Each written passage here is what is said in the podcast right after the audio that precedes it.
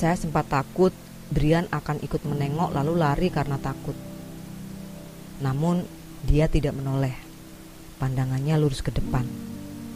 Tiba-tiba dia malah bertanya, "Do, kamu cium bau melati?" "Enggak, Bray."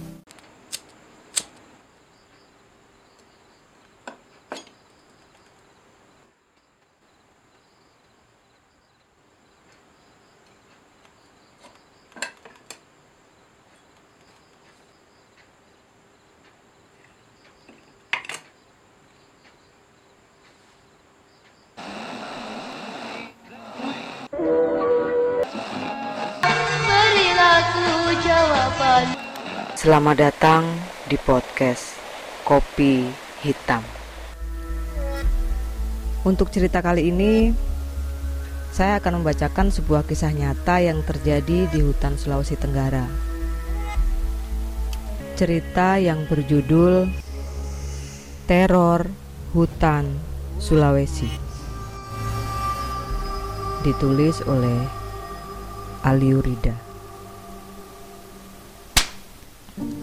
Bunyi rantai motor yang saya tumpangi bersama kawan putus di pedalaman hutan Sulawesi Tenggara. Saat itu, saya sedang dalam perjalanan pulang ke desa penempatan kerja dari ibu kota provinsi. Perjalanan itu harus menembus hutan Sulawesi yang sepi dan bodohnya kami melakukannya saat malam hari. Kampret, umpat kawan saya yang bernama Brian, orang Batak yang tinggal di Jakarta. Teman saya ini adalah kawan satu lokasi penempatan di sebuah desa di Kabupaten Konawe Utara, Sulawesi Tenggara. Mati kita, Bray. Rantai putus di tempat yang diceritakan Kak Erin. Ucap saya kepada Brian. Rantai motor kendaraan kami putus saat melewati jalan menanjak yang panjangnya sampai 300 meter. Lokasi yang menurut orang-orang lokal adalah tempat keramat karena selain sering terjadi kecelakaan, juga sering terlihat penampakan pocong dan kuntilanak. Ada aturan yang harus dipatuhi pengendara jika lewat jalan ini. Kak Erin bercerita, jika lewat jalan ini, kita harus membuka jendela mobil. Jika tidak cukup berani, maka diperbolehkan mengetuk jendela saja sebagai tanda permisi. Gimana kalau kita naik motor? Saya sempat menanyakan ini kepada Kak Erin. Kalau berani jalan malam-malam, sebaiknya mengucap tabe ing bium bulaika roroma ketika melewati tanjakan itu. Jawab Kak Erin. Itu bahasa Tolaki? Tanya saya lagi. Iya, jawab Kak Erin. Yang artinya? Permisi tuan pemilik hutan rimbun, jelas Kak Erin. Saat itu saya memang tidak mengucap kalimat permisi. Saya tidak terlalu menggubris hal-hal mistis. Beda dengan Brian yang percaya. Sayangnya malam itu dia juga lupa mengucapkannya. Saya sendiri lebih percaya kepada hal yang bersifat teknikal. Saya yakin gear dan rantainya sudah tua dan aus sehingga gearnya menjadi tajam. Karena itu, saya agak kesal dengan Brian yang menolak berhenti untuk menggantinya. Brian yang membawa motor karena tubuhnya jauh lebih besar dari saya. Sebelum masuk hutan, saya sudah memberi saran kepadanya untuk berhenti ketika kami melihat bengkel di kota. Tapi karena takut kemalaman, Brian tidak mau berhenti. Padahal terasa sekali motor ini tersendat setiap kali menaikkan kecepatan. Terus gimana ini? Tanya Brian kepadaku. Ada dua pilihan, Bray. Kita balik sekitar 2 atau 3 kilo di rumah terakhir perkampungan yang kita lewati, saya lihat ada bengkel. Atau kalau mau jalan lagi, lebih 7 kilo kita geret motor ini baru bisa nemu perkampungan. Ada bengkel juga di sana. Kalau saya sih enaknya yang lebih dekat saja, kita balik. Lebih rasional juga. Karena kalau balik kan jalannya menurun. Kalau lanjut berarti akan lebih banyak tanjakan Jawab saya memberikan penjelasan kepada Brian. Jangan doh. Ampun, sudah ngeri kali. Lebih baik saya geret motor ke atas. Jawab Brian lagi. Sepanjang perjalanan yang jadi berat banget itu, sebenarnya Brian sudah melihat dan merasakan yang aneh-aneh. Misalnya, Brian mencium bau melati, sementara saya tidak. Beberapa meter kemudian, sebetulnya dia juga sudah melihat kuntilanak. Sekali lagi, saya nggak melihatnya. Padahal sepanjang jalan, Brian hanya melihat lurus ke depan karena takut. Tapi kok bisa melihat penampakan? Saya rasa ia cuma paranoid. Karena saya sama sekali tidak mencium bau melati atau melihat kuntilanak. Saya sebenarnya ingin menolak pilihan yang tidak rasional itu. Tapi karena sepanjang jalan sebetulnya Brian sudah ketakutan, akhirnya saya menyanggupinya ketimbang berdebat terus tidak akan selesai dan malam semakin larut. Malam itu memang gelap, langit diselimuti awan, sehingga cahaya bulan sulit menembus awan dan kabut yang mulai turun. Karena jalur hutan sudah tentu tidak ada penerangan, sangat jarang ada kendaraan yang lewat. Jarak penglihatan kami hanya 5-7 meter. Di sepanjang jalan kami berganti-gantian menggeret motor. Keringat sudah membasahi seluruh tubuh meski suhu sangat dingin. Bahkan saya melihat tubuh Brian seolah mengeluarkan asap. Pertemuan suhu dingin dengan panas tubuhnya yang sedang berjuang menggeret motor menjadi uap. Saya yang mulanya tidak berpikir macam-macam, mulai merinding juga. Pikiran soal penampakan pocong dan kuntilanak mulai muncul. Pikiran itu mulai muncul setelah kami melewati kawasan hutan sawit yang tidak terlalu besar. Tidak tahu kenapa hutan sawit itu menghadirkan perasaan aneh. Dan benar saja, karena gelap dan berkabut, ketika ada satu benda yang kontras, misalnya berwarna putih, pasti terlihat jelas. Ketika menoleh ke arah kiri, di kedalaman hutan sawit, saya melihat pocong seperti menempel ke pohon. Bukan hanya satu, tapi tiga. Saking takutnya, saya cuma bisa berkata lirih. Pocong, gak cuma satu, Bray. Ada tiga. Saya sempat takut Brian akan ikut menengok lalu lari karena takut. Namun, dia tidak menoleh. Pandangannya lurus ke depan. Tiba-tiba dia malah bertanya, "Do, kamu cium bau melati?" "Enggak, Bray." Jawab saya berbohong. Kali ini saya mencium bau wangi melati. Perasaan merinding semakin menjadi. Jantung saya berdetak semakin cepat sehingga napas saya tersengal-sengal. Saya melihat mulut Brian komat kamit seperti membaca doa. Sekarang saya tahu Kenapa dia tidak menoleh ketika saya bilang ada pocong? Sedikit agak ke depan, Brian sudah melihat kuntilanak duduk di dahan pohon besar. Saya bisa melihat dengan jelas seorang perempuan berpakaian putih duduk di atas dahan. Rasanya semakin mengerikan karena kami tidak bisa menghindar. Mau lari tidak mungkin. Ini hutan dan di tengah gunung. Perkampungan masih jauh di depan. Apalagi jika putar balik, ada tiga pocong yang sudah menunggu di tepi hutan sawit. Kuntilanak di depan, pocong di belakang.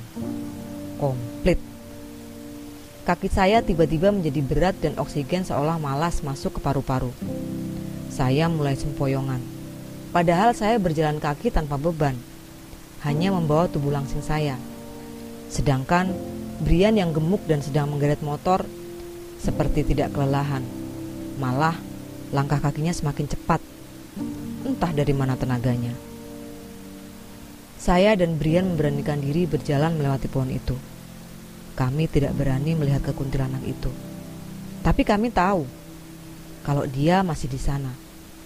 Setelah berjalan beberapa meter, kami mendengar suara motor. Rupanya Tuhan masih sayang kami.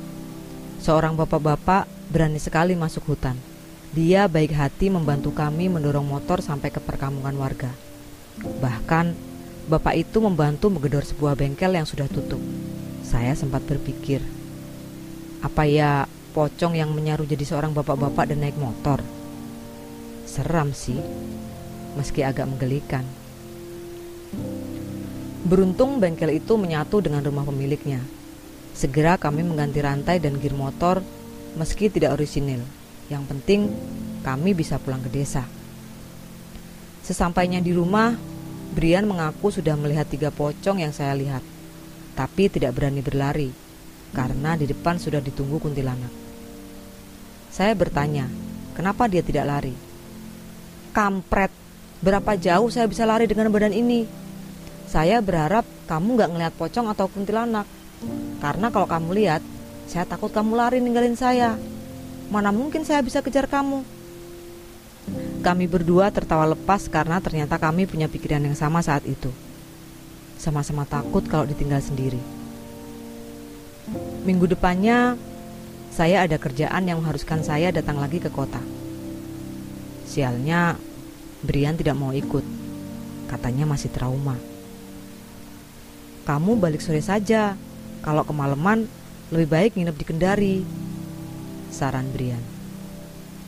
Akhirnya, saya terpaksa pergi sendiri dan berencana menginap di rumah teman saya di Kendari. Tapi sialnya, sudah berencana menginap, ternyata kawan mengajar meminta saya untuk menggantikannya esok harinya. Jadi, saya harus balik malam ini juga, sendirian melewati sarang pocong dan kuntilanak. Di perjalanan, saya langsung merasa ada yang tidak beres dengan motor saya. Rantainya kok seperti tersendat-sendat. Mungkin karena gear dan rantainya tidak ori. Tapi saya paksakan saja jalan pelan-pelan. Begitu tiba di tanjakan horor itu, saya mengatakan, Tabe ing biumbu lai karoroma dan mengganti gigi motor menjadi gigi satu. Kemudian tancap gas. Tiba-tiba rantai saya putus lagi di tempat yang sama di waktu yang tidak berbeda dengan minggu lalu. Sialan. Lagi-lagi rantai motor ini putus. Dua kali dalam waktu seminggu putus di waktu yang sama dan di tempat yang sama. Tempat angker di mana aku dan kawanku Brian digempur oleh setan penghuni hutan, pocong dan kuntilanak.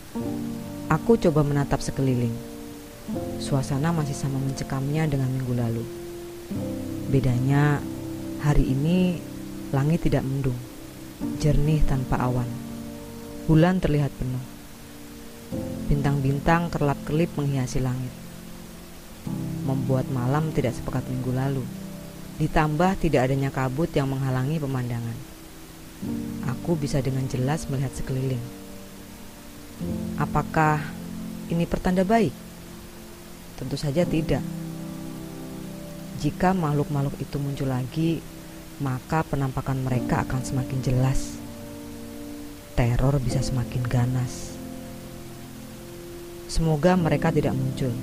Dalam hati aku berdoa. Tak berlama-lama, aku dorong motorku sendiri. Kali ini tanpa bantuan Brian. Brengsek anak itu membiarkan aku seorang diri menembus hutan Sulawesi. Tapi ada syukurnya juga, karena tidak perlu ribet berdebat memilih jalan yang mana. Tidak seperti minggu lalu, kali ini aku pilih rute berbeda, menjauh dari desa tempat tujuanku. Balik menuju kota. Jalannya menurun dan jarak desa pertama lebih dekat. Di sepanjang jalan, aku teringat dengan cerita-cerita horor Kak Erin tentang hutan ini. Aku coba untuk membuang pikiran tentang cerita-cerita horor itu. Membuang pikiran tentang pocong dan kuntilanak minggu lalu. Untuk mengalihkan rasa takut, aku bernyanyi. Semakin berusaha membuang cerita-cerita horor dari pikiranku, cerita itu malah semakin merasukiku. Keringat sudah banjir membasahi bajuku. Awalnya, aku pikir ke bawah akan lebih mudah karena jalannya menurun jadi bisa lebih banyak di atas motor timbang mendorong. Ternyata tidak. Baru menurun sedikit, sudah mendaki lagi. Jika ke atas hampir sepenuhnya mendaki, ke bawah malah mendaki, turun lagi, mendaki lagi, turun lagi. Brengsek. Lelahnya sama saja. Apalagi aku seorang diri. Tiba-tiba aku jadi kangen Brian. Tidak pernah terpikir sebelumnya kalau aku bakal ngangenin dia. Jam tangan menunjukkan sudah setengah jam aku mendorong motor sialan ini. Aku bertanya-tanya, harus berapa lama lagi sampai desa pertama? Tiba-tiba terdengar suara motor dari kejauhan, dari belakang. Aku berbalik melihat ke belakang. Perlahan-lahan motor itu mulai terlihat. Aku senang sekaligus kaget. Karena jarang-jarang ada orang desa keluar semalam ini, apalagi menuju kota. Biasanya jam segini kalau masih ada orang di jalan, berarti orang desa yang terlambat pulang dari kota. Hal itu membuat jantungku berdebar-debar. Motor itu terlihat berjalan agak lambat dan aku bisa melihatnya. Alhamdulillah manusia, seorang pria. Ah, syukurlah. Itu orang, bukan pocong. Tapi kok tidak menyalakan lampu? Begitu ia mendekat, jantungku berdetak semakin cepat. Orang itu bahkan tidak menoleh. Wajahnya datar dan matanya seperti kosong menatap ke depan. Ia sama sekali tidak melihatku. Padahal aku memanggil-manggil meminta tolong, memintanya untuk berhenti. Ia jalan lurus saja dan aku mengejarnya sambil mendorong motorku. Tidak lama, aku lihat ia semakin memelan. Aku mengikutinya sampai ia berbelok ke sebuah jalan setapak masuk ke hutan.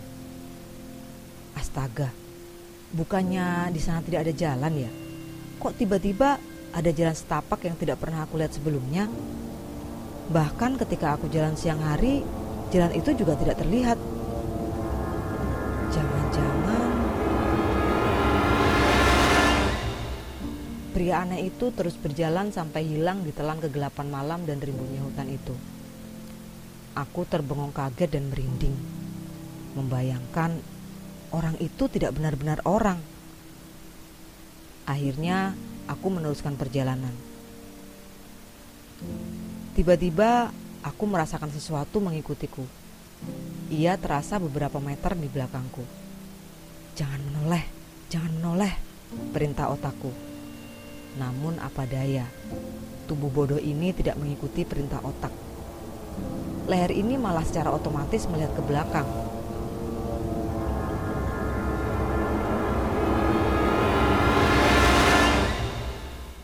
Goblok! Aku berteriak ketika melihat orang berjalan di belakangku. Wajahnya tidak jelas karena penuh luka dan darah. Kepalanya pecah, nampak seperti korban kecelakaan. Ia berjalan agak menunduk, menyeret kakinya yang patah. Tiba-tiba kakiku lemas seperti kehilangan tenaga. Lututku bergetar seolah tak mampu menahan berat badanku yang sebenarnya tak seberapa. Jarak beberapa meter dariku, orang itu membelok masuk ke dalam hutan. Huff. Aku menghembuskan nafas yang tertahan cukup lama. Setelah beberapa tarikan nafas dan merasa yakin apa pun yang aku lihat barusan tidak lagi mengikutiku, barulah aku berbalik melihat ke depan untuk melanjutkan perjalanan. Aji gile, aku terkaget melihat apa yang ada di depan. Itu kan pocong minggu lalu yang jumlahnya pas tiga orang. Orang, memangnya mereka orang? Mungkin orang, tapi dulunya. Rasanya bahkan lebih seram dari minggu lalu. Minggu lalu jaraknya cukup jauh, 2-3 meter dari jalan. Jauh di dalam hutan sawit sana. Sekarang hanya berjarak beberapa meter dariku. Lututku bukan lagi bergetar, tapi goyang ngebor. Aku memberanikan diri berjalan sembari bertabek, mengucap permisi dalam bahasa lokal. Tapi aku dicuekin. Pocong-pocong itu bahkan tidak menoleh. Terus saja berkumpul seperti bapak-bapak di warung kopi yang ngobrolin politik. Tidak peduli sama sekali dengan sekeliling. Aku juga tidak peduli dengan mereka dan terus berjalan lurus ke depan. Begitu melewati ketiga pocong itu, Tiba-tiba wangi melati itu muncul. Biadab. Kapan berhenti cobaan ini? Mau nangis rasanya. Tapi aku terus berjalan. Makin cepat sampai aku bertemu jalan yang menurun cukup panjang. Aku berusaha untuk melihat lurus ke depan, tapi apa daya, rasa penasaran menghantui. Lebih menghantui dari para penghuni hutan. Aku akhirnya melihat sekeliling, ternyata si Kunti tidak ada. Aku mengucap syukur sembari membaca ayat kursi dan berdoa dalam hati. Jauhkan, jauhkan, jauhkan bala. Terdengar suara motor di kejauhan. Kali ini suaranya dari arah berlawanan, dari kota. Ya Allah, please, yang satu ini tolong manusia beneran ya. Please, please, ampuni hamba yang penuh dosa ini. Jangan kirim yang seperti tadi. Tanpa berhenti, Aku berdoa seperti itu, kemudian terlihat dari jauh dua orang berboncengan mengendarai motor. Alhamdulillah, mereka menyalakan lampu motornya. Kali ini pasti manusia. Semakin mendekat, semakin mendekat. Ah, benar, manusia. Mereka berhenti tepat di depanku. Kenapa itu motornya? Anu, ini rantainya putus. Oh, di situ ada bengkel. Rumah pertama yang kita temui. Tadi saya lihat dia masih buka. Bapak di belakang menunjuk ke arah bengkel tanpa menawarkan bantuan. Iya, itu tujuan saya memang, Pak. Kami diam sebentar, tidak berbicara sampai ia merasa tidak enak. Saya bantu kita geret motor, Akhirnya keluar kata-kata indah itu. Aku melompat kegirangan, tapi hanya dalam hati. Tidak lupa mengucapkan terima kasih karena digeret sampai ke bengkel. Sesampainya di bengkel, aku meminta air minum.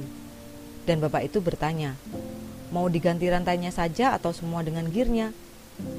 Ganti saja pak, semuanya. Asli atau KW?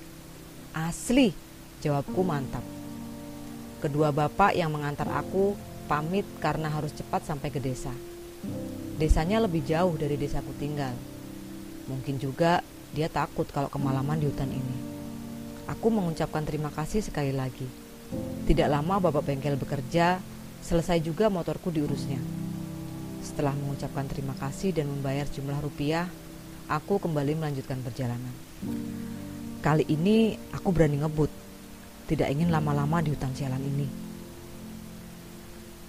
Belum lama aku berjalan, aku merasakan sensasi menggigil. Bersamaan dengan itu, datang wangi khas bunga ini. Wangi melati. Tak lama berselang, aku merasakan motorku semakin berat. Anjir, siapa yang aku bonceng di belakang? Selesai.